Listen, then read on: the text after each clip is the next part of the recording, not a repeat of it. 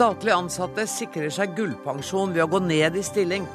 Det må det bli slutt på, sier regjeringen. Helt feil vei å gå, mener Politiets Fellesforbund. 59-åring siktet for voldtekt bare uker etter at han hadde sonet ferdig en 21 år lang dom. Hvordan kan samfunnet beskytte seg mot slike hendelser, spør vi i Dagsnytt 18.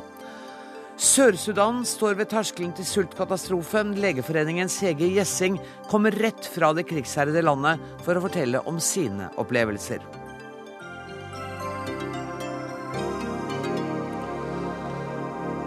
Dette er fredagsutgaven av Dagsnytt 18, der vi også skal høre at Colombia holder pusten før landets første kvartfinale i VM noensinne. Og så skal vi koste på oss et gjenhør med en 25 år gammel TV-serie. Men aller først. Store brannmannskaper jobber med å slukke en skogbrann som har vært ute av kontroll i flere timer i Sel i Gudbrandsdalen. Flere beboere er evakuert fra området der det brenner. Det er vind og svært tørt, tørt i området. Reporter Geir Rød, du er fremme i Sel.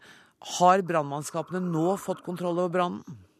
Nei, jeg snakket med innsatsleder til politiet, Rolf Nysæter, her i stad. Og eh, politiet sier at de på langt nær har kontroll. Akkurat nå flyr et helikopter rett over oss med vann som de tar fra eh, litt lenger nede i dalen her. Og eh, tømmer over det ganske store området som det brenner. Det er et eh, belte på ca. 500 meter som brenner fra bunnen av dalføret, hvor E6 og jernbanen er, og oppover eh, mot eh, toppen av eh, åsen her i eh, Sel i Gudbrandsdalen. Vi fikk melding om at uh, Dovrebanen var stengt, og en, en, stund var det også fare for at E6 gjennom dalen kunne bli stengt. Hvordan er den situasjonen nå? Ja, eh, jeg står ca. 200-300 meter ifra Dovrebanen, eh, som nå er åpen. Det gikk et tog her nettopp. Eh, men det brenner altså, og det ryker altså bare noen få meter fra linja. Eh, og dette kan jo endre seg på kort varsel. Og Politiet og brannvesen sier at både Dovrebanen og E6 kan bli stengt dersom det skulle spre seg litt lenger nedover her. Det er et, det ryker kraftig i Gudbrandsdalen, og man ser det på ganske lang avstand. Er det fortsatt sterk vind i området? Ja, Det er sånne kastevinder. Jeg har vært der i ca. ti minutter nå. Akkurat nå så er det ingen vind, men det blåste kraftig bare for et par minutter siden. Og eh, Politiet sier at eh, det er vindretningen som avgjør når de får kontroll på denne brannen. Alt eh, brannmannskap som er mulig å kalle ut, er kalt ut. I tillegg så er også Sivilforsvaret og lokale bønder med i slukningsarbeidet. Samt tre helikoptre. Det ene av disse helikoptrene flyr rett over oss her. Flere beboere i nærheten av brannen ble jo evakuert tidligere i ettermiddag. Er det aktuelt å evakuere flere, sånn som du har hørt det? Ja, eh, Ifølge lokalavisen Gudbrandsdølen Dagningen så er eh, en familie evakuert. De rømte fra huset sitt for en stund siden. Eh, og Politiet vurderer å evakuere flere bolighus. Det vurderes fortløpende. Dessuten så skal et hytteområde i et sted som heter Horgen også være evakuert. Dette hytteområdet ligger oppe på åsen, altså over Gudbrandsdalen. Tusen takk skal du ha, reporter Geir Rød. Det blir mer om dette i nyhetssendingene fra NRK utover kvelden.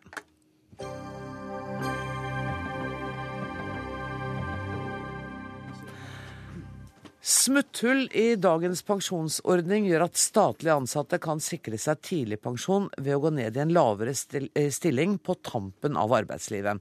I noen tilfeller går tjenestemenn ut av arbeidslivet ti år tidligere enn de ellers ville ha gjort med full pensjon. Og på fem år har dette kostet statskassa 353 millioner kroner. Finn Melbø, du er direktør i Statens pensjonskasse, og du vil ha slutt på denne praksisen, men den er jo fullt lovlig? Vi har prøvd med det gode i flere år, og sendt brev og påpekt oss sitt spørsmålstegn med denne praksisen. Eh, og det har ikke gitt særlige resultater. Og så har vi sett da en god del enkelt eksempler på at man da har blitt tilsatt i en stilling med lavere aldersgrense, opptil ti år før den ordinære. Og så har man da slutta å veldig kort tid etterpå. Og da har jeg vurdert dette som en uheldig tilpasning i forhold til hva som var intensjonen med særaldersgrensen i sin tid. Dette her er litt abstrakt. Kan du gi noe eksempel på en type stilling man Ja. går fra og til? Det kan jeg gjøre hvis jeg er da eh, høyt eh, politijurist, og så søker jeg meg med aldersgrense, enn vanlig aldersgrense på 67 til 70 år. Så søker jeg meg, når jeg er 57 år, så søker jeg meg til å bli en som går på gata som politikonstabel, bruker det begrepet, og, og, og patruljerer. Så får jeg den stillingen når jeg er 57 år. Da kan jeg da gå av eh, på særaldersgrensen, som er egentlig 60 år, pluss at jeg har en såkalt 85-årsregel, som gjør at jeg da kan gå av tre år før det igjen også. Og da kan du gå av med full pensjon. pensjon ti år før du ordinært kunne gjøre. det. Du sier at dere har skrevet brev om dette. Har dere fått noen reaksjoner? Vi får jo svar tilbake igjen, men det er klart det er jo lov til, og det er jo helt, helt greit å søke på stillinger i Norge. Det har jeg ingenting imot det. Men det er jo en tilpasning i forhold til hva som da var intensjonen bak dette, disse særaldersgrensene, som vi ser eklatante tilpassinger til. Og jeg har da vurdert dette for å komme frem til det som kan gjøre at man da unngår en uheldig tilpasning. Er da foreslått to ting. Det er en lovendring som gjør at man må stå i den stillingen minst i ett år. For vi setter en reell eh, ønske om å gå og stå i en annen stilling. Kombinert med at de også må betale, hvis man da går av etter ett år, betale for hva dette måtte koste. At arbeidsgiver Arbeidsgiver må betale for dette, og dette er ganske mye penger. Vi har jo, Hvis du regner på individbasis, så får man da kan du si, en økt pensjon på en 3-4 millioner kroner. For statskassen så betyr det at man i størrelsesorden må betale direkte 300 millioner. Og Litt av poenget her er jo at det er statskassen som betaler det er ikke en enkelte politidistrikt eksempelvis som betaler det. Og Dermed så gjør man jo regning uten vert. Tor Kleppen eh, Settem fra Høyre, du er statssekretær i Arbeidsdepartementet. Er dette en eh, praksis som dere godkjenner? Nei. Ok, da er vi ferdige her, og da blir det forandring på dette. Nei, hva gjør dere? Det, det, det gjør vi ikke. Altså, for å si det sånn, Dette er jo ikke et ukjent fenomen. Men det vi har hørt tidligere, det har vært mange enkelteksempler. Jeg tror veldig mange politikere har hørt enkelteksempler av, av den typen. Eh, Det Statens pensjonskasse nå har gjort, er å gå systematisk igjennom, kartlegge antallet eller omfanget, og de har kartlagt de økonomiske sidene av det. Eh, Og Det har gitt et oppspill til oss som gjør at vi nå kan ta tak i det på en ordentlig måte, og det har vi til hensikt å gjøre. Om vi gjør det på den måten som eh, Statens pensjonskasse foreslår, det tør jeg ikke å si nå, men det er åpenbare alternativ, de to punktene som Melbø nevnte. Ja, for, for det går det jo an å gjøre uten en lovendring. Det å si at, at dere må stå, du må stå i stillingen i ett år, det, det går det an å gjøre med en regelendring. Men hvis dere skal forandre hele systemet, så er jo det en tungrodd maskineri. Det blir en, eh, Hvis du nå tenker på hele særaldersgrensedebatten, så er det en helt annen debatt som Ja. selvfølgelig krever langt større arbeid. Eh, Men det som eh, Statens pensjonskasse har gitt et oppspill til her, det er det fullt mulig å gjøre noe med på relativt kort tid. Og jeg tror og håper inderlig at både fagforeningssida og andre partier vil støtte oss i det. Vi skal høre med fagforeningssida. Sigve Bolstad, du er leder i Politiets Fellesforbund. Og politiet er ikke de eneste som har anledning til å benytte seg av denne muligheten, men dine kolleger er godt representert her. Hva er din reaksjon hvis ordningen skulle forsvinne? Ja, altså, jeg jeg syns det blir litt feil fokus. Eh, Det som er det viktige her, det er at samfunnet sikres en god eh, polititjeneste. Det, er det primære. Det må være primære for publikum, eh, og det primære for politikerne. Ja, Det er vi enige om. Det vi snakker om nå, er pensjon. Ja, da er det to punkt som særlig er viktige. Og Regjeringa har jo starta med et prosjekt knytta til en seniorpolitikk. Man må legge opp til en seniorpolitikk i etaten som er langt bedre. I tillegg så er vi i en situasjon der budsjettet ikke strekker til å gi de som går ut fra Politihøgskolen jobb, samtidig som den gode kompetansen som eh, de utgjør, eh, eh, de som nærmer seg særaldersgrensa, kan stå for og skal gi publikum. Ja, Bolstad, eh, Det, altså, det, det, er, den, det er den egentlige uh, problemstillinga her. Men kan, men, kan bare men kan jeg få lov å spørre deg likevel, for jeg har lyst til at vi skal begrense dette til å dreie seg om det som var utgangspunktet, nemlig at for eksempel, for å ta et eksempel, en politijurist uh, blir patruljerende konstabel eh, en alder av 57 år, er det kanskje en måned eller to, og så går av med pensjon. Er det en ordning du syns dere er tjent med? Skal man, eh, komme, skal man få til noe positivt fremover, så må man se på hvorfor blir ting slik som de blir. I dette tilfellet er det pga. at det er en manglende seniorpolitikk. Det har med holdning og kultur å gjøre. Det var Gjørv litt inne på i, i sin rapport. Og så har det med det faktum at det er ikke nok penger i etaten både å få inn de som går ut fra Politihøgskolen, samt å få folk til å fortsette. Nå har du sagt dette to ganger, men kan jeg likevel spørre deg, syns du at det er en rimelighet i en ordning hvor man kan gå fra én stilling til en lavere, og gå av med pensjon opptil ti år tidligere enn man ellers ville gjort? Det er en grunn til at man fikk særaldersgrense. Okay. Og det går på fysiske og psykiske belastninger knytta til å være samfunnets håndhever. Når det er sagt, altså Vi har ingenting eh, imot at man ser på type ordninger. Det kan ikke vi bestemme over. Men man skal være litt forsiktig i denne saken her med å mistenkeliggjøre tjenestemenn og -kvinner som har gjort en fantastisk jobb for samfunnet, og som nå blir mistenkeliggjort, etter sånn som vi leser det, i forhold til at man har vært vel kreativ i forhold til smitthull. Finn Bøhl, er det det dere mistenkeliggjør dere yrkesgrupper her? Nei, eh, det vi har, vi har veldig stor sans. Eh, politifolkene er en veldig viktig medlemsgruppe hos oss. Så det, fra, fra min side er det overhodet ikke det. Dette er mer et spørsmål generelt. Vi har jo også en plikt på å se på er, er da lovverket, tilpasning bruk av lovverket, i tråd med det som intensjonen. Og det er vel ikke bare politifolk det gjelder, Nei, det, det gjelder dette her? Hvilke andre gjelder, yrkesgrupper snakker vi om? Gjelder, det gjelder egentlig alle som er på særaldersgrenser, som har da mulighet til å kunne søke på en stilling med en lavere særaldersgrenseproblematikk. Men i dette tilfellet her har vi fått så mange enkeltsaker gjennom flere år at vi har sett oss nødt til å, påpeke dette i forhold til det politiske system, og se at dette er en åpenbar, etter min vurdering, en tilpasning som ikke var intendert. Men, ja. Eh, det Bolstad tar opp er jo flere gode poeng, men det er en helt annen type debatt. Det går på ressurstilgangen til politiet. Eh, vi kan være enige og uenige om mange punkter.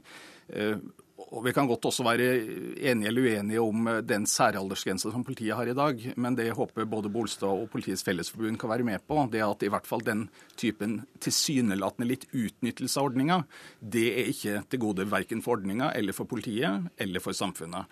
Eh, og Derfor håper jeg inderlig at også Politiets Fellesforbund kan støtte oss i å gjøre endring på akkurat dette. Ja, For dere vil ta kontakt med dem for å finne løsninger på dette? Det er naturlig, men, men eh, jeg håper å si løsningene ligger jo litt på bordet allerede fra Statens pensjonskasse, og det er noen sånne grep vi må gjøre. For det, Vi skal gjerne ha gode pensjonsordninger, og vi skal gjerne også ha gode ordninger f.eks. For, for politifolk som er slitne etter et eh, langt arbeidsliv. Men vi kan ikke ha ordninger som gjør at du kan hoppe over fra en et yrke eller en arbeidssituasjon der du har 70 års aldersgrense, og så plutselig gå av ved 57 det, det året det passer sånn. Og da er det utnyttelse av systemet. Og så er vel noe av hele hensikten med pensjonsreformen, som altså dere ikke var ansvarlig for, men noe av det var vel å få folk til å stå lenger i arbeidslivet òg? Definitivt. Dette er en debatt som gjelder over hele linja, eh, på alle mulige samfunnsområder. altså Det er helt riktig oppfatta. Særaldersgrensedebatten er komplisert av mange grunner, men den er viktig å ta, den også. Bolstad? Ja, nei, altså, jeg tror en gjennomgang, altså, vi, vi kommer ikke til å stoppe noen gjennomgang. Altså, det er jo demokratiet som, eh, som rår, og det skulle bare mangle. Det støtter vi i Politiets Fellesforbund oss bak. Men jeg tror når man begynner å gå gjennom dette, så kommer man til å finne at det er de punktene som vi i Politiets Fellesforbund nevner, som kommer til å bli kjernepunktene. Nemlig seniorpolitikk, det som går på budsjett, eh, og det som går på hvilke type samfunnsoppdrag er norsk politi satt til å gjøre. Altså, hva er, hva er publikum tjent med. Og Derfor så mener vi at det må være en frivillighetsordning. Legger man til rette for det jeg har sagt nå, så kommer langt flere til å stå lenger. Og de som faktisk fortjener å gå etter å ha gjort en meget god samfunnsnyttig jobb, får anledninger til det. Vinn-vinn-situasjon er konklusjonen. Sett dem. Jeg er helt eh, enig i behovet for en eh, bedre seniorpolitikk. Det gjelder helt garantert også i politiet. Eh, men vi kan heller ikke ha ordninger som gjør at det rett og slett lønner seg svært mye å gå tidlig av. Eh, og det blir også veldig håpløst hvis vi har en situasjon der vi skyver erfarne arbeidstakere ut av arbeidslivet, ut av politiet i dette tilfellet, og så går de inn i andre jobber og føler seg åpenbart i stand til å, å jobbe andre steder. Da utnytter vi ikke arbeidskrafta godt i Norge, verken for samfunnet eller for politiet eller for den enkelte. Melberg, er du fornøyd med reaksjonene fra departementet her? Ja, jeg, jeg hører departementet sier at dette skal de vurdere nøye. og Det er jeg selvfølgelig veldig fornøyd med. Så får vi se hva resultatet blir. For jeg tror dette åpenbart er, er et uh, smutthull som vi bør prøve å gjøre noe med. Ja, For det dere sier er at dette blir det slutt på nå? Er det ikke det dere sier? Ja, vi, vi, kan jo Altså, vi har sagt hva som er jeg målet. Jeg mente ikke akkurat nå klokka 18.15, men Nei, altså, jeg var sånn... veldig redd for at det var her over bordet du ville ha svaret konkret. Eh, vi har fått et brev i hånda. Det er ikke mange dagene siden vi fikk det i hånda. Eh, vi har en intensjon som er helt klar, for vi syns ikke denne typen smutthull er bra å ha i et sånt system. Da sier jeg takk for at dere kom, ja, og ha en eh, god helg, både Finn Melbø, Tor Kleppen Settem og Sigve Bolstad. Dagsnytt 18 på NRK P2 og NRK2. Etter å ha sonet 21 år for vold og drap, ble en 59 år gammel mann løslatt, og bare uker senere er han pågrepet, siktet for å ha begått en ny voldtekt. Hva har sviktet, og hvordan kan samfunnet gardere seg mot at sånt skjer? Direktør ved Ila fengsel, Knut Bjarkeid. Var dere engstelige for at nettopp dette skulle skje da eh, han hadde fullført soningen og dere skulle slippe ham ut? Eh, normalt så vil de som soner lange dommer, bli uh, sluppet ut gjennom at de først er på åpne anstalter. Og så vil de da suksessivt gå over i, i samfunnet. Mm. Uh, men for å være på åpne anstalter, så må de følge de reglene som gjelder der. De må være villige til å bl.a. ikke ruse seg. Hvis de bryter reglene på en åpen anstalt, så vil de komme tilbake igjen til en lukket anstalt. Hadde dere prøvd åpen anstalt med denne personen? Vi vil alltid prøve åpne anstalter med uh, de som soner lange dommer. Spesielt viktig for dem. Og vi vil prøve det gang på gang.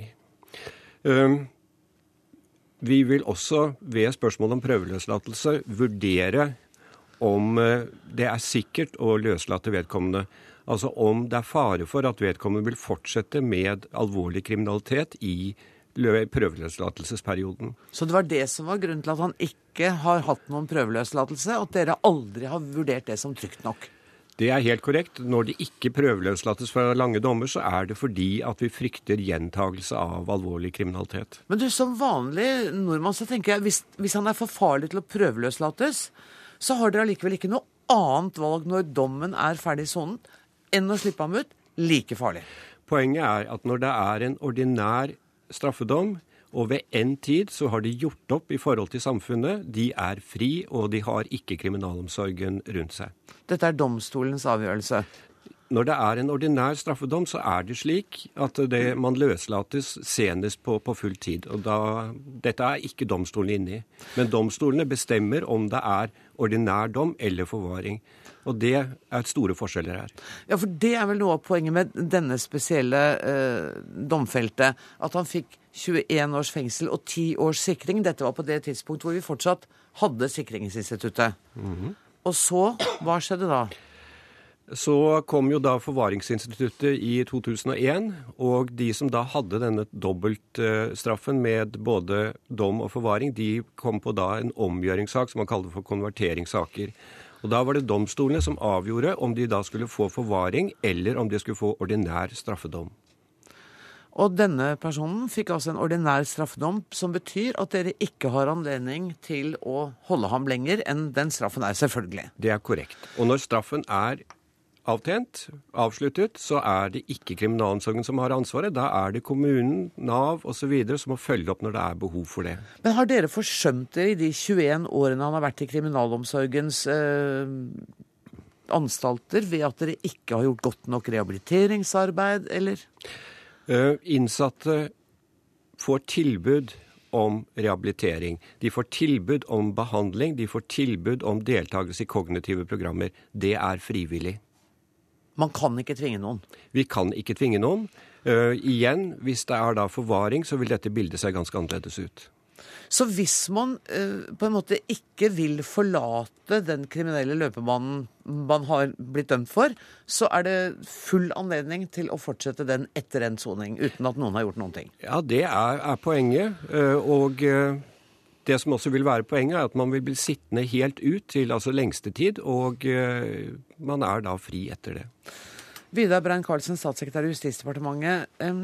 Hva forteller denne saken om eh, behov for samfunnets beskyttelse? Det er i hvert fall helt sikkert at denne typen saker eh, utfordrer oss, og utfordrer det systemet som vi har. Eh, jeg vil først si at, at jeg har eh, utrolig vondt av, av ofrene i denne typen saker, og, og det som, som, har skjedd. Eh, men det er sånn som Knut Bjarkreid sier. altså Når, når de som er dømt til fengsel, er ferdig sona, hele dommen er sona, så er man fri. og Det er det helt klare utgangspunktet i, i eh, norsk rett, og er prinsipielt viktig i, i, for mange. Og da, eh, da, har ikke vi som, som eh, staten noen, noen tvangsmidler igjen å bruke. Nå syns jeg at uh, både ofra og, resten av samfunnet også fortjener at vi ser litt nærmere på den problemstillinga. For uh, som sagt, det her er utfordrende å, godta, og, vi må se på om det bør gjøres no, noen endringer. Og det har vi satt i gang med uh, for ikke så lenge siden. Kan du si noe om hva slags endringer dere tenker dere, eller er det litt farlig for en politiker å ja, det, sitte og tenke høyt om det? Jeg tror det er litt farlig å, tenke om, særlig om at, vi, at det på en måte er en slags vurdering som, som ganske nettopp har starta. Mm. Men jeg kan jo si en, en, parallell til det her som vi har vært borti tidligere, eh, for et halvt års tid siden, der eh, vi ser at forvaringsdømte begjær seg løslatt mot at, eh, og, og kriminalomsorgen eh, ikke anbefaler, og så blir de allikevel løslatt av domstolen, det er også utfordra litt. For da er ikke den progresjonen i soninga kommet så langt som man helst vil, før det blir en løslatelse. De her to problemstillingene er ganske like, og det, det vil være eh, smart å se på de sammen da, samtidig. Kunne det også være en tanke å se på noe mer bruk av tvang i fengselet? Eh, Bjarkeid forteller at eh, kognitive opplegg, fellesskap, opplæring Alt dette er frivillig. Er ikke, altså hvis du er innsatt, kan du ikke tvinges til noe endrings atferdsendrende arbeid, da? Det kan tenkes. Altså det, Hørte du det, hvordan jeg somla nå med den? Men du skjønte hva jeg mente? Ja, jeg er glad for det. Men, og det, det, jeg vil si til det, altså For det første så, så gjør eh, folkene på, eh, på Ila og, og, overalt ellers i, i eh, norske anstalter eh, en veldig god jobb og legger til rette for Det er den enkelte innsatte som skal ta ansvar for sin, eh, sin tilbakeføring. Så skal våre eh, folk støtte opp under en sånn prosess. Og jeg er litt usikker, men det er mer en faglig vurdering, altså hvor mye det hjelper å begynne å tvinge folk til å, å, oppføre seg, for å si det rett ut. Altså. Og det, det, det er kanskje ikke sånn- lett heller å tvinge folk til bedre atferd? Nei, jeg tror ikke det er så lett. Lene Vågslid, du er stortingsrepresentant for Arbeiderpartiet og medlem av justiskomiteen. Du har sagt at hvis det er riktig at 59-åringen er skyldig i en ny voldtekt, han er altså siktet og ikke dømt, så har systemet sviktet. På hvilken måte da? Jeg mener at samfunnet har en plikt til å sørge for eh, tryggheten til folk. Og hvis det viser seg at denne saken ender med, med dom, så, så, er det en svikt i systemet. Vi kan ikke slå oss til ro med at dette bare er slik det er. Nå er det jo vesentlig at det kommer fram at det er forskjell på å sitte på sikringsdom og, og forvaringsdom. Det er fengselsdom og forvaring. Fengsel og forvaring. Sikring har ja. vi ikke her. Mm. Ja, ikke sant. Men det som er viktig for, for Arbeiderpartiet og for eh, for meg, det er at eh, vi får en grundig gjennomgang og evaluering av hele systemet. Det er jo grunn til å tro at eh, flere i norske fengsel kan sitte på lignende dommer der en har en tidsbestemmelse for når en skal ut. Eh, og jeg er veldig glad for at statssekretæren sier at en vil se på endringer. Det var kanskje ikke det inntrykket jeg fikk før i dag. Det er helt avgjørende at en arbeider med forberedelse til løslatelse i fengselet og at en får til bedre samarbeid mellom aktørene, både innenfor murene og utenfor murene. Eh, og at de rette folka snakker sammen. Men du, eh, forberedelse til løslatelse er jo ikke så lett hvis alt det arbeidet er frivillig, og hvis vedkommende har vært forsøkt plassert i en såkalt åpen anstalt, brutt reglene der og skal tilbake i fengsel. Hva er ditt forslag da? Nei, det er helt åpenbart. Eh, og jeg er ikke beredt allerede i dag til å konkludere på hvordan tiltakene bør sette i verk. Det som justiskomiteens leder Hadia Tajik har sagt, og som jeg har sagt, er at en må snu alle steiner nå for å se hva en eventuelt må gjøre når det gjelder rutiner, regelverk osv. for å forhindre at eh, slike grusomme ting som denne saken viser, kan skje dersom det viser seg at det blir dom i denne saken. Og jeg opplever det som statssekretæren sier, Eh, som veldig positivt. At de ønsker å, å, se på endringer i forhold til det. det. Det mener vi er viktig og veldig bra. Så bra, da har vi kanskje kommet et skritt videre. Men jeg har lyst til å spørre, hva med ettervern når folk har sluppet ut av fengsel? Det er jo da opp til kommunene. Er det ikke det? Den enkelte kommune som får vedkommende dit, og Nav kanskje. Er det noe dere kan gjøre der? Ja, det, det er det helt uh, sikkert. Og det er nok et kontinuerlig arbeid vi har, og, og som, vi, som, vi, um, som, vi, søker å, å, forbedre. Det er mye samhandling som skal til, og det, det er mange aktører samtidig som kan bidra inn. Og, men det vil jeg ikke trekke inn akkurat i den, uh, i den saken her. Altså, og vi vet at fengslene er dyktig på å kontakte kommunen i god tid før, før løslatelse, og at kommunene stiller med et godt tilbud. Men på, på nytt igjen, altså der er det ved en, eh, at man har gått eh, hele dommen ut, så er det frivillig. Så lenge, og da har vi ikke noe tvangsmidler. Så når kommunen da sier at eh, vi har et tilbud vi kan, skal, skal, følge opp her, så, er, så, kan hver enkelt si nei til det. Og det er, ser vi er utfordrende i noen av de her alvorlige sakene. Og da risikerer vi det som har skjedd i denne saken, at ny alvorlig kriminalitet han, han er siktet, ikke dømt, men trolig er det begått ny alvorlig kriminalitet da, da, er det veldig problematisk. Og så kunne jeg jo tenkt meg til å høre fra, fra Lene Vågslid. Altså når, når, begge to fra Arbeiderpartiet i justiskomiteen kommer ut og sier at uh, her har systemet svikta, så er det jo litt uh, greit å høre det, om de kan peke på hva det er som har svikta også. Det, det, kunne jeg tenkt meg til å høre fra dem. Ja, altså jeg er glad for at jeg får det spørsmålet. For det er egentlig det vi mener at eh, justisministeren og Justisdepartementet eh, må bidra til å finne ut av og snu alle steiner. Eh, jeg mener at det er viktig at vi som folkevalgte og politikere, om vi har sittet i regjering før eller ikke, er eh, kritiske til våre egne systemer. Og de utfordringene vi nå ser i utgangspunktet i denne saken, de kan vi få flere av. Og da vil ikke jeg eller Arbeiderpartiet slå oss med at det bare er slik. Det er bakgrunnen for at vi nå mener at en er nødt til å se på både rutiner, regelverk og system. Er det noe der vi kan gjøre bedre? Eh, det ville være veldig dumt, mener jeg, å ikke stille seg det spørsmålet. Vi har ikke et ferdig svar til hva det skal være i dag. Det er det vi politisk mener nå at vi må ta grep om.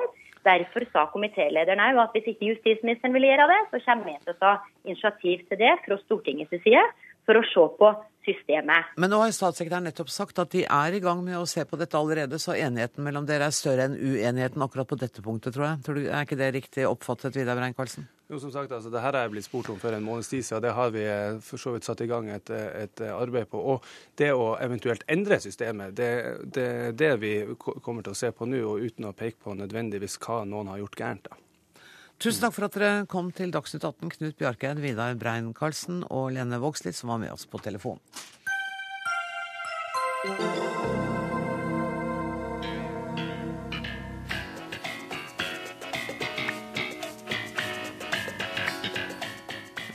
Både temposkift og stemningsskift i Dagsnytt 18. Nei, du hører ikke på Seinfeld, men mange husker denne kjenningsmelodien. Og akkurat denne helgen er det 25 år siden første episode av verdens beste situasjonskomedie ble vist. Ja, vi snakker selvfølgelig om Seinfeld, som alle vet.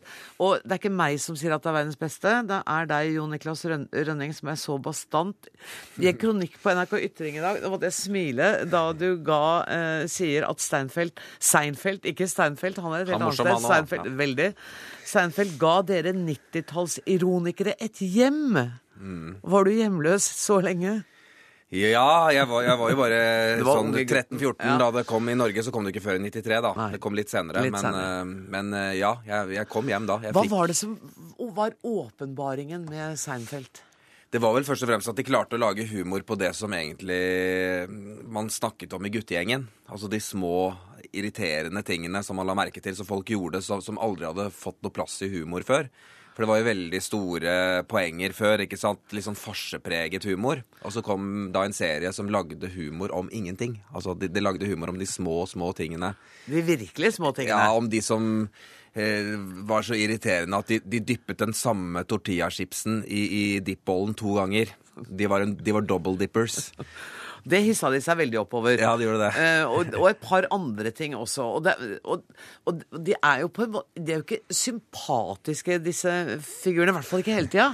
Nei, de er jo, Det er jo fire ytterpunkter. da. Du har jo eh, Kramer, som er litt sånn eh, slapstick, Buster Keaton, ellevill, eh, eh, sånn fysisk humorist. Ja. Og så har du jo George, som er mislykket. Slags sånn Woody Allen-kloning. En videreutvikling som bor hjemme hos moren og faren og ikke har hell i kjærlighetsliv og, og, og, blir sagt opp fra jobber og er, er egentlig bare liksom lurer, eh, lurer seg gjennom livet på et vis. Og så har du Jerry, da, som er, er standup-komikeren som, som blir offeret for disse. Er eh, liksom for, fornuften innimellom, men har også sine ting. Og så Elaine, som er da, er da veldig energisk, eh, verbal, mitraljøse, pluss en sånn også veldig god fysisk komiker som, som opplever veldig mye rart. da. Det så, men men det viktigste med, med Seinfeld er jo, er, jo, er jo nettopp at de tok opp alle disse tingene som vi diskuterer internt. Altså at, at det ble en som du sier, de er ikke sympatiske, men jeg tror det var litt av poenget også, for de er sympatiske i, i nettopp at de ligner på oss. Ja. Ikke sant? De ligner på våre svake sider. Eh, De De bare på gjør mine svake sider enda større, på en måte. Det er litt provoserende, merker jeg. Jo, men det var nettopp det som var interessant. Fordi jeg tror min analyse da, i den kronikken som du, du sikter til, er jo at eh, min generasjon vi er jo barn av 68-erne, Ja. som, som brente bh-er og, og, og var, sang politiske kampsanger og Ja, merker jeg kjempa en på kritikk her nå, eller? Nei, altså, men enhver generasjon får jo de komikerne de fortjener, og vår generasjon eh, hadde jo en rett til å bryte med den forrige, og da kom jo Seinfeld inn som eh, som en slags brytning. For når du først skal bryte med noe som eh, har ment så mye som 68-erne, så er det jo å lage humor om, om absolutt sånne små bagateller. Og samtidig, altså selv om det, var, det handler om ikke noe, så var den så politisk ukorrekt som det gikk an, uten å ta opp ett eneste politisk tema. Ja, ja det, og det, men det, i, i seg selv så kan du si at det blir et, blir et politisk tema i seg selv. For det, det, skildrer jo en generasjon som eh, Det var jo den tiden hvor 30 ble det nye 20, liksom. Man, man brukte ti år på å ta et fri, friår og, og reise verden rundt og prøve å finne ut hva man skulle bli når man skulle bli stor. Og det, akkurat den der generasjonen der, de som var mer jeg-fokuserte og, og kunne fokusere på på øh, sånne ting som at noen kvinner er two-faces, at de, de ser vakre ut i én lyssetning, og så ser de helt forferdelig ut i en annen lyssetning. ikke sant? Sånne ting som egentlig er, det er ikke lov til å spøke om, Nei. men, men de, de, de, tok gutteromspraten ut på TV, da. På en elegant måte, må jeg si. Har du sett det? Går jo på litt sånne obskure kanaler enda. Uh, har du sett det i det siste? Ja, jeg, har, jeg følger med når det kommer en reprise, og det er Gjør ganske det? ofte. Ja. Holder det? Det er ikke alt som klarer å holde liv i seg i 25 år. Altså det, grunnen til at det holder, det tror jeg er eh, i tillegg til at du har den der geniale casten med de fire som er motoren til serien, så har du jo um, et veldig, veldig sterkt manus. Altså en god grunnidé er alt du trenger for å lage god TV-humor, sier serieskaper uh, Larry David, som lagde det sammen med Jerry Seinfeld. Og, og det er å ha så gode ideer, tidløse ideer, det, det klarer Seinfeld. Um, du har jo den episoden med som er bare en legendarisk eh, idé, hvor, hvor eh, Jerry går til en, en tannlege som har konvertert til jødedommen. Og Jerry mener at han kunne ha gjort det for å kunne få lov til å fortelle selvironiske jødevitser. og han mener at, han mener at det, og det er en sånn helt på kanten fin, fin ting, som, som er bare en, en genial idé. Det er bare Larry David og Jerry Seinfeld som kan komme på noe så, noe så sam, både litt provoserende, men samtidig så nytenkende. Og så gjorde de et annet grep også, som var uvanlig, tror jeg, for 25 år siden. Det at de hadde litt stand... Han kommer inn som en stand-up på en standup-scene i, i hver episode. Ja, det var jo viktig. Det var rart. Det var rart, fordi det, vi hadde jo ikke sett standup før, og det ble jo fødselen til standup-scenen. Akkurat samtidig som Seinfeld kom, så, så kom jo de norske standuperne på scenen. Og var jo Noen var gode, men noen var også litt sånne tydelig Seinfeld-inspirerte kopier som handlet om sånne småting som hvor blir den ene sokken av i vaskemaskinen når du vasker og sånt. ikke sant? Og, og det var jo noe helt nytt, men, men grunnen til at det fungerer så bra, er jo nettopp fordi Seinfeld er jo en mester i de der små observasjonene. Altså de, de tingene som du har tenkt på, men som du ikke har, har, har lagt merke til ordentlig før han sier det på, på scenen. Og så, så, så han er best på akkurat det der. der altså. Det er jo, ja, eh, Larry David er jo en veldig viktig figur her, som har skrevet dette sammen med Seinfeld. Han har også gjort andre ting. Er Larry David rett og slett en av dine store helter? Han er det, og det er jo, han har jo da gjort Curb Your Enthusiasm, som er en slags sånn litt råere videreføring av Seinfeld. Um, eh, og de to sammen, jeg tror jeg vil si at de to sammen, det er mine helter. Fordi de var to komiske ytterpunkter. Jerry Seinfeld var en renhårig komiker som ikke bannet, ikke gjorde noe eh, egentlig noen, noen, noen stygge ting på scenen. Han, han var veldig opptatt av å være liksom renhårig, men dyktig, og, og polerte eh, standup-settet. Mens Larry David er det motsatte. Han var rebellen. Han var den som på en måte eh, gikk på scenen og, og, og, og hadde ikke, bare kunne se på publikum og si 'dette gidder jeg ikke', og så bare gikk han hjem. Så han var jo virkelighetens George, egentlig. Du, jeg kutter det der, for jeg, jeg ser på klokka, og så tenker jeg at om 24,5 minutter skal du stå på scenen på ja. Så jeg rett og slett kaster deg ut og Ja, sier ja. takk for at du kom, jeg, Jon Niklas Det Rønning. det var en glede å være her. Hør Dagsnytt 18 når du vil. Radio NRK.no. Special Olympics Norge er uten betydning for aktiviteter for utviklingshemmede. Det hevder flere organisasjoner. Eh, Special Olympics Norge har prinsesse Märtha Louise som ambassadør og har egen post i statsbudsjettet. Per Tøyen, du er kommunikasjonssjef i Norges idrettsforbund, og du er en av dem som er kritisk til virksomheten. Hvorfor det? Nei, fordi at eh, Special Olympics eh, på mange vis ikke har den daglige eller ukentlige aktiviteten med mennesker med utviklingshemming. Vi mener at eh, hvis Special Olympics jobbet sammen med Norges idrettsforbund, som leverer aktivitet for utviklingshemmede hver dag over idrettslag over hele landet, så ville funksjonen vært betydelig enklere å rettferdiggjøre. Men er det det at de ikke samarbeider med dere som er problemet, egentlig? Nei, det er egentlig uinteressant. Okay. Fordi at eh, i Norge så er alle som driver idrett, organisert i samme organisasjon. I Norges idrettsforbund, olympisk og paralympiske komité. Så vi kommer til å levere den aktiviteten overalt. Hvis vi opplever at noen på et vis eh, eh, ikke understøtter den virksomheten. Nå gjør nok Special Olympics Norge det i form av at de leverer arrangementer osv., men for oss er det viktig at de ikke motarbeider eh, det som foregår hos oss. Hva er det du mener de gjør? Altså Du sier de bidrar til arrangementer. Hva er det de gjør som Jeg mener at de ikke gjør, da. Ja, ok, ta det. Ja, ta det. Eh, Jeg mener at de burde i langt større grad være aktive i forhold til å jobbe sammen med eh, Norges idrettsforbunds idrettslag. På, helt på grunnplanet. Ja, Ikke nødvendigvis, men ja. De er en breddeorganisasjon og burde konsentrere seg om det. Hvis jeg skal oppsummere, er hovedkritikken din at de gjør for lite? Hovedkritikken min er at de er veldig, eh, veldig utydelige. Og så har de i enkelte sammenhenger også tatt æren for en del av den aktiviteten som foregår i regi av våre særforbund og våre idrettslag. Direktør i Special Olympics Norge, Geir eh, Smeby. Hvordan reagerer du på den kritikken som du har fått? Og det er jo ikke første gang du hører det her i Dagsnytt 18. Du, det har jo vært eh, framme tidligere i dag. Ja, eh, nå er jeg generalsekretær, ikke direktør. Og beklager. Eh, Unnskyld. Ja, det går bra. Eh, eh, nei, altså, når jeg, når jeg leste saken i morgen, i morgen eh, i dag med, på NRK fra, fra Idrettsforbundet og personen som her sitter og debatterer, så, så syns jeg egentlig det, det, det jeg tenkte er at det er en veldig trist dag for alle de deltakerne og utøverne med utviklingshemming som har vært med på alle disse utallige arrangementene vi har hatt i mange år.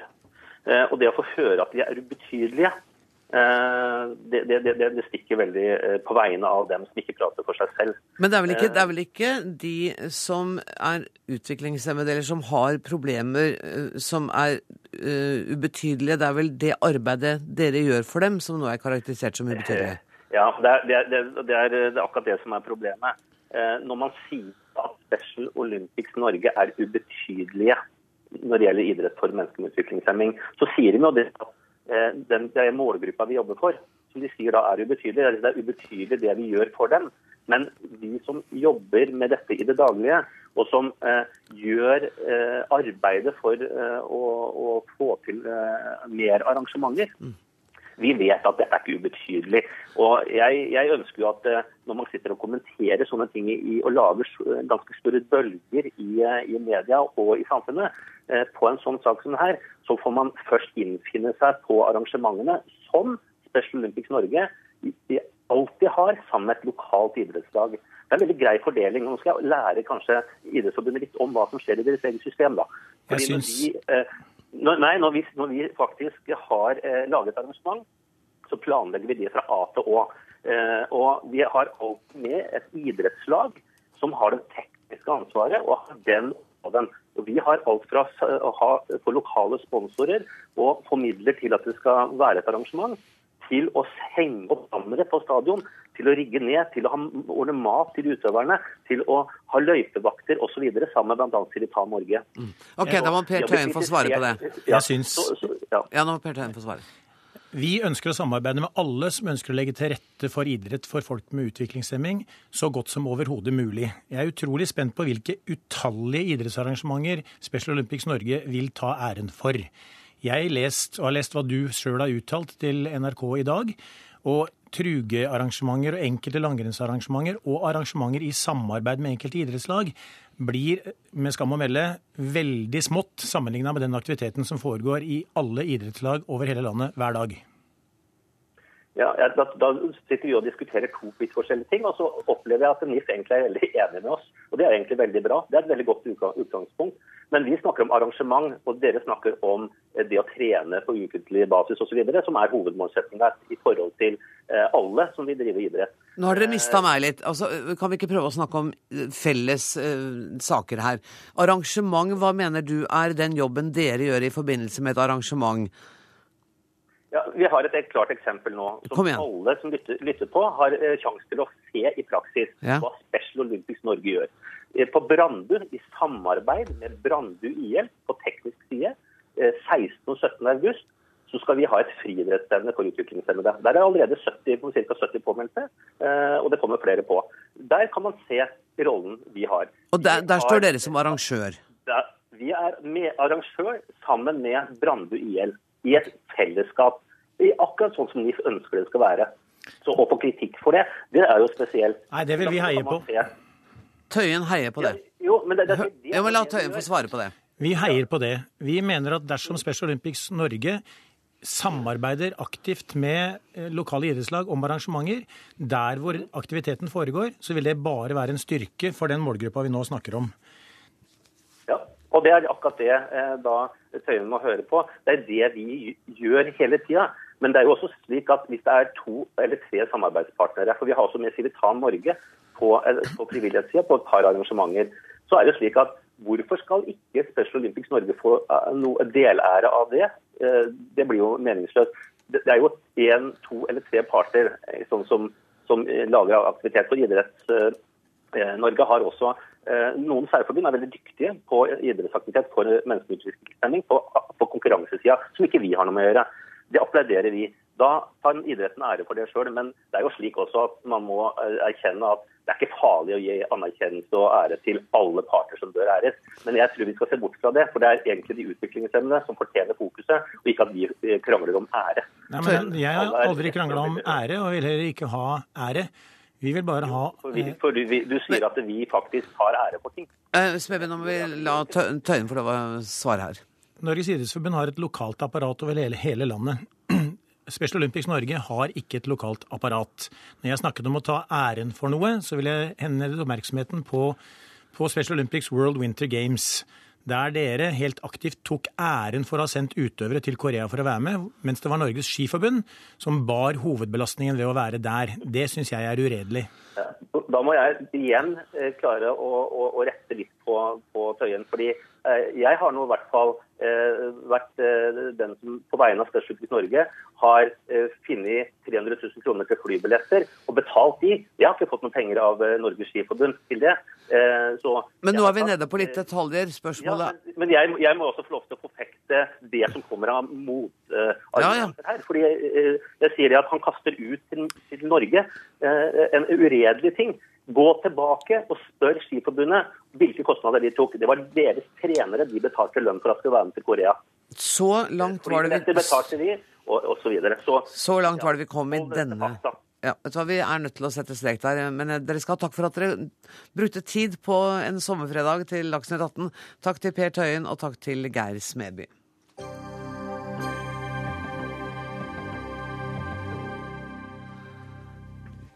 Flere nødhjelpsorganisasjoner roper varsku om situasjonen i Sør-Sudan. Fire millioner mennesker er truet av sult i det krigsherjede landet.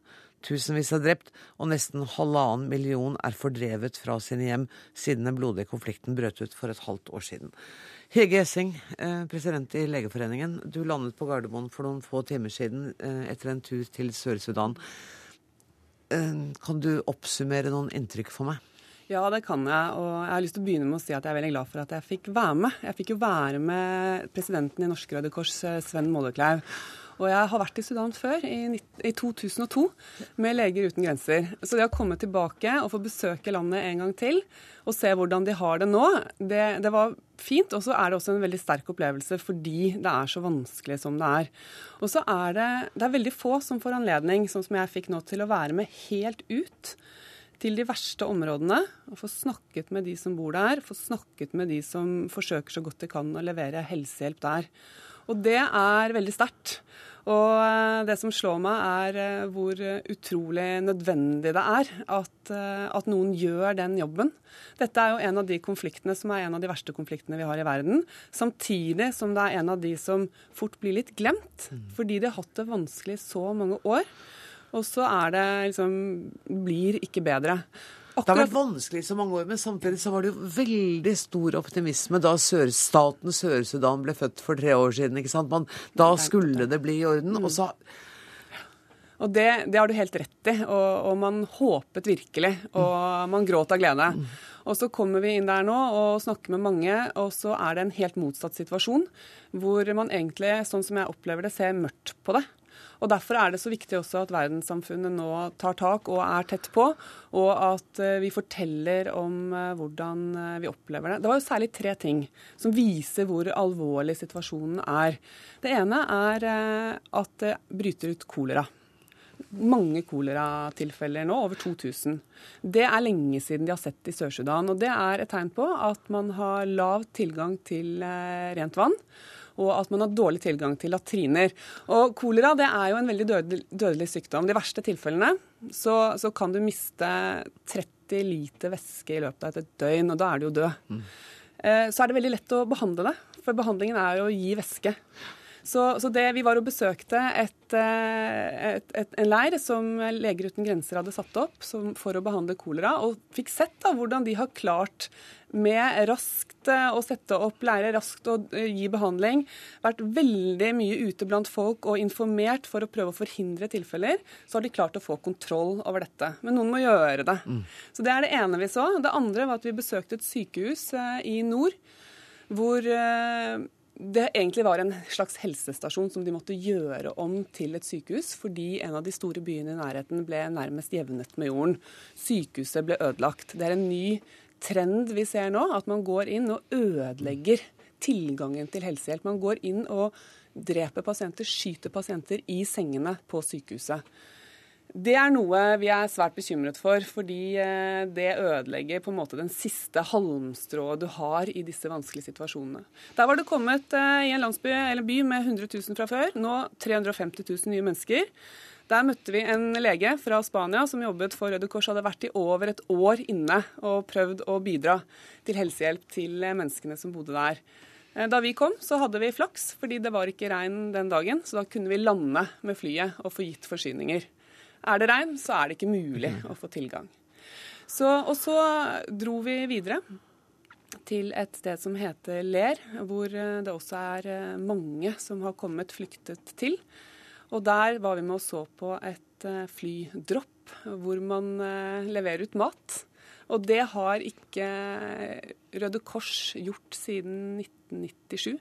Det er en veldig kostnadsdrivende måte og dyr måte å levere mat på. Så det er det siste man gjør når det ikke er noen andre muligheter. Og det, sånn er det der. Så da kom det poser med ris, med bønner, med sukker og salt. Og, så, så, og, det var veldig flott å se på, for det var veldig velorganisert. Var det det? Det var ikke sånn at, man, at de som sto på bakken, ble helt gale og skulle ha alt til seg? Nei, du vet at Sånn var det før. Og så kan man forstå at det bare å få den befolkningen der som har så lite mat mm. De er helt i, i, på kanten ikke sant, og har for lite hele tiden. Og da å klare å, å organisere dette på en måte som gjør at de sitter helt rolig og venter. Og noen av de vet at vi får ikke mat før om eh, fem dager, men da får vi. Eh, og Det har da Røde Kors eh, klart der å, å organisere. og de, de, er også helt, Det er viktig å si de er helt avhengig av lokale frivillige. Så Da plukker de sant, noen som Det de, de hadde 58 stykker som var med og hjalp. og Det er jo den befolkningen som er i nød og som har lite mat selv. eh, og som da bidrar til eh, at dette foregår i ordnede forhold. Det var helt, helt rolig og ordentlig. Så vet vi at dette skjer jo hver dag nå. Og neste morgen, for det er jo noen av de posene det går hull på, mm. og så går de og samler opp det, det meste og, og, ordner det i poser. Og neste morgen så er hvert eneste riskorn er liksom samlet opp. Sånn er det. Så, og så var det flott å se, for de leverer også ut såkorn. Og det så vi da vi kom flyvende inn, at eh, her hadde de Her grodde det mais. Så ble vi litt overrasket over det.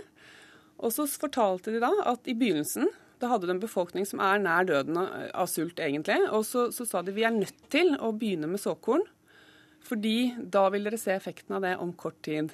Og på tre uker så spirte og grodde det.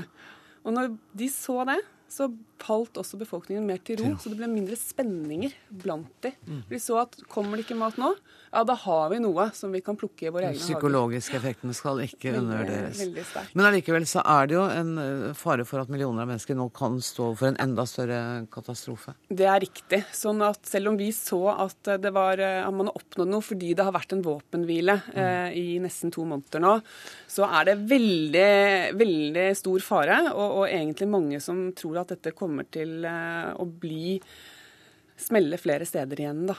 Og, og derfor, så, så, er vi nødt til, derfor er jeg glad for å få komme hit og fortelle om det. For det er så viktig at, eh, at man snakker om dette og presser på politikere og andre, sånn at det blir gjort noe med den situasjonen. Det er jeg som er glad for at du tok deg tid til å komme hit nesten rett fra flyet. Jeg er glad du har vært i Sør-Sudan. Tusen takk skal du ha, Hege Gjessing.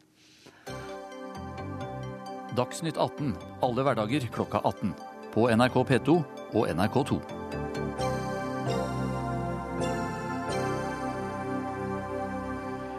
Tulle til.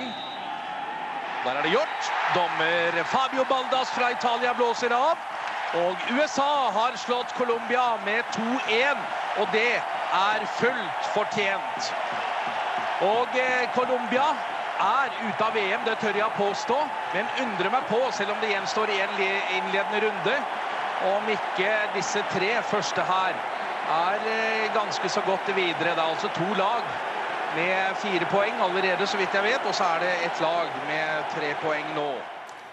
Ja, nei, Det har ikke rabla fullstendig for oss i, Dagsnytt 18. Vi har ikke begynt å overføre fotball direkte. Og som alle fotballkjennere vet, så var dette slett ikke direkte. Det var en kamp fra 1994 mellom Colombia og USA. Og vi skal snakke litt om Colombia, for det er ikke bare Brasil som kommer til å stå stille når vertslandet i kveld møter nettopp Colombia i kvartfinale i VM. For Colombia er dette den viktigste kampen noensinne. Aldri før har de nådd kvartfinale, og det sier vel sitt at presidenten har gitt alle offentlig ansatte fri for å følge med på kampen. Diego Marin, historiestudent og er fra Colombia, velkommen hit. Har du snakka med noen i Colombia i dag? Ja, med familien min og noen venner. Så alt står stille i Colombia. Alle er hjemme, ser på TV, venter på kampen. Det er faktisk en hellig dag nå i Colombia. Er, er, fotballen så viktig? Jeg syns den er viktig her i landet, men ikke engang vi har fri. Nei, det er, det er, veldig viktig i Colombia. Så hvis du, hvis du, ser på det som skjer nå i Colombia, det er en hel ny generasjon. Det representerer mye mm. av det nye som vi har nå i Colombia. Så når vi setter dette i denne konteksten, kan vi forstå hvorfor er det så viktig nå. Og, og Colombia er jo blitt en eh, fotballnasjon også. Er jo blitt gode. Ja, i de siste 20 årene, tror jeg. Ja. Tror jeg. Ja. Altså, Det er faktisk president som er engasjert helt fra begynnelsen. Den Pekerman, som er uh, trener av fotballaget nå, er uh, faktisk det var presidenten som sa at Beckermann skulle bli eh, trener. Det, det ja. høres litt uvanlig ut for oss at, at liksom, Vi ser ikke for oss at Erna Solberg skal bestemme hvem som skal være trener for landslaget. Jo, men, men det som skjer i Latin-Amerika, f.eks. det som skjer med Suárez i Uruguay Det var faktisk Mujica som ventet på ham eh, på flyplassen for å vise støtte. Så mm. fotball i Latin-Amerika er en veldig stor sak, og alle er veldig engasjert. Magnus Borgen, du er statsvider og forfatter. Hva sier det om colombianernes forhold til fotball at alle offentlige ansatte har fått fri, og du hører entusiasmen, presidenten griper inn og bestemmer hvem som skal være eh, manager og leder? Jeg vil si at uh, Ut fra mine egne erfaringer ved å reise rundt på alle verdens kontinenter og se på fotball, så er, tar Latin-Amerika Sør-Amerika tar kaka når det gjelder fotballgalskap. Altså, vi har disse begrepene om at land står stille, byer står stille når det er store matcher. Og det, og det har jeg det. selv opplevd. De gjør det. Og, folk, og du møter alt fra gamle damer altså, mm. Alle har et forhold til fotball. Du kan ikke på en måte definere fotballen vekk fra livet ditt. Det er en så sentral del av både samfunnet man lever i, og politikken. Eh, og det gjennomsyrer eh, den dagligdagse samtalen. Men, men gutter, vi, Går det an å snakke om bare gleden ved fotball på en dag som dette, eller må vi snakke om eh, narkobaroner og bander også? Ja, Det hører litt mer som til gamle dager. Okay. ikke sant? Det som skjer på 90-tallet med Escobar, f.eks., ja. som vi hørte litt om mm. eh, litt tidligere. Eh, det, er, det er litt mer som gamle dager. Ikke nå. Det er helt annerledes. Ja. Samtidig så er den jo stor at eh, de fleste av de gutta som skal på banen i kveld mot Brasil, eh, mange av de har jo eh, nettopp vokst opp som unggutter ved å spille på kunstgressbaner med flomlys som ble betalt av kokainpenger tilbake på 80- og 90-tallet. sånn at det, det, er en, det, er en, sammenheng her så, som, mm. som, og en historie. Men som Diego sier, dette er noe som hører fortiden til. Men klart mye av suksessen som, som Colombia hadde på klubb- og landslagsnivå på 80- og 90-tallet, var jo på en måte dessverre knyttet mm. sammen med narkobaronenes eh, store innflytelse i hele samfunnet i Colombia. Men dere, eh, bare til ære for våre unge lyttere som kanskje ikke husker 1994 og Escobar, hvem av dere har lyst til å fortelle hva som skjedde? Vær så god. Nei, altså, det som skjedde, var jo at uh, Colombia var en av de aller største favorittene i VM for 20 år siden i USA. Eh, de skulle vinne gull. Eh, det var på en måte opplest og vedtatt mm. blant folket. Mange narkobaroner hadde satt enorme summer penger hos bettingselskaper på at nettopp Colombia skulle vinne VM. Så ryker man ut tidlig pga. dette selvmålet til eh, forsvarsspilleren Andres Escobar, som ble kalt fotballens gentleman. Det var på en måte som at Rune Bratseth i Norge på sin, sin storhetstid skulle skåre et selvmål. Og det som skjedde så, var at tre dager etter Colombia ble sendt hjem med halen mellom beina, ydmyket i USA-VM, så ble altså Andres Escobar, denne forsvarsspilleren som skåret dette ulykksalige selvmålet, han ble skutt og drept utenfor et diskotek. Mm. Og er vel den eneste fotballspilleren noensinne som er blitt drept pga. en hendelse som skjedde på en fotballbane. Så det sier også noe om hvor viktig fotballen er på dette kontinentet. Hvor mye følelser som er i det. Uh, Diego, eh, de spiller også med hvite strømper strømper. Jeg skjønner at det er en symbolikk i det også? Ja. Etter at uh, fredsprosessen som foregår nå i La ble offentliggjort, begynte de å spille med hvite strømper som et symbol uh, på fred. Og det er det som, som, dette laget betyr nå. Hvis vi ser på alle disse plakatene, flagg som vi ser på nå, det står alltid 'Colombia fred', 'Colombia forsoning'. Så dette er faktisk et symbol. Mange av de store stjernene av, dette laget ble med på kampanjen, presidentvalg, eh, ikke for lenge siden, og støttet denne som, eh, president eh, Santos, som ville fortsette med fredsprosessen. Så dette har mye å gjøre med den nåværende konteksten i Colombia. Så det du sier, er jo at, at, fotballen nå også spiller en rolle i det politiske arbeidet med forsoning og fredsarbeidet? Eller, ja, eller er det for litt eksempel FARC, eh, ja. de som sitter Fark, nå i La Habana, eh, de sendte et brev til nasjonallaget, fotballnasjonallag og snakker mye om fotball. De snakker også om fotball i La Habana, så alle er med på dette her. Både FARC, regjering og vanlige folk på gata. Har det streifet at det er en mulighet for at uh, Colombia kan tape denne kampen? Jo, men det som de har gjort nå, er allerede historisk. De har okay. gjort det veldig bra. Så nå skal vi ha det veldig gøy. Vi skal nyte kampen, og så satse på at Colombia vinner. Jeg tror at vi har en sjanse. Eh, kan jeg spørre deg også, Magnus. Hvem tror du skal vinne? Vi hørte jo hva ja, jeg håper jo på Colombia, eh, men jeg tror dessverre Brasil fort kan ta det med hjemmebanefordel. Mm. De, har, eh, de, har, en rutine i disse situasjonene, Brasil, som Colombia ikke har. Men klart, eh, i fotball kan alt skje, og det er derfor veldig mange millioner av mennesker over hele verden er så fascinert av fotball. For det, man vet aldri. Men selv blant de mest entusiastiske nordmenn så er det følelseslandet noe mindre enn i Latin-Amerika?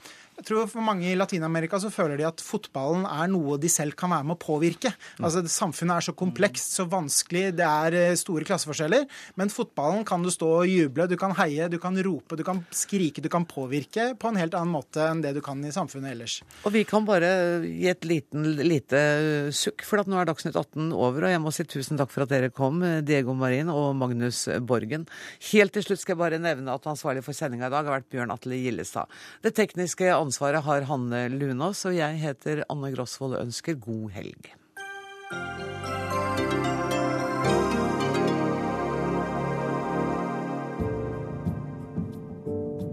NRK P2. Hør flere podkaster på nrk.no podkast.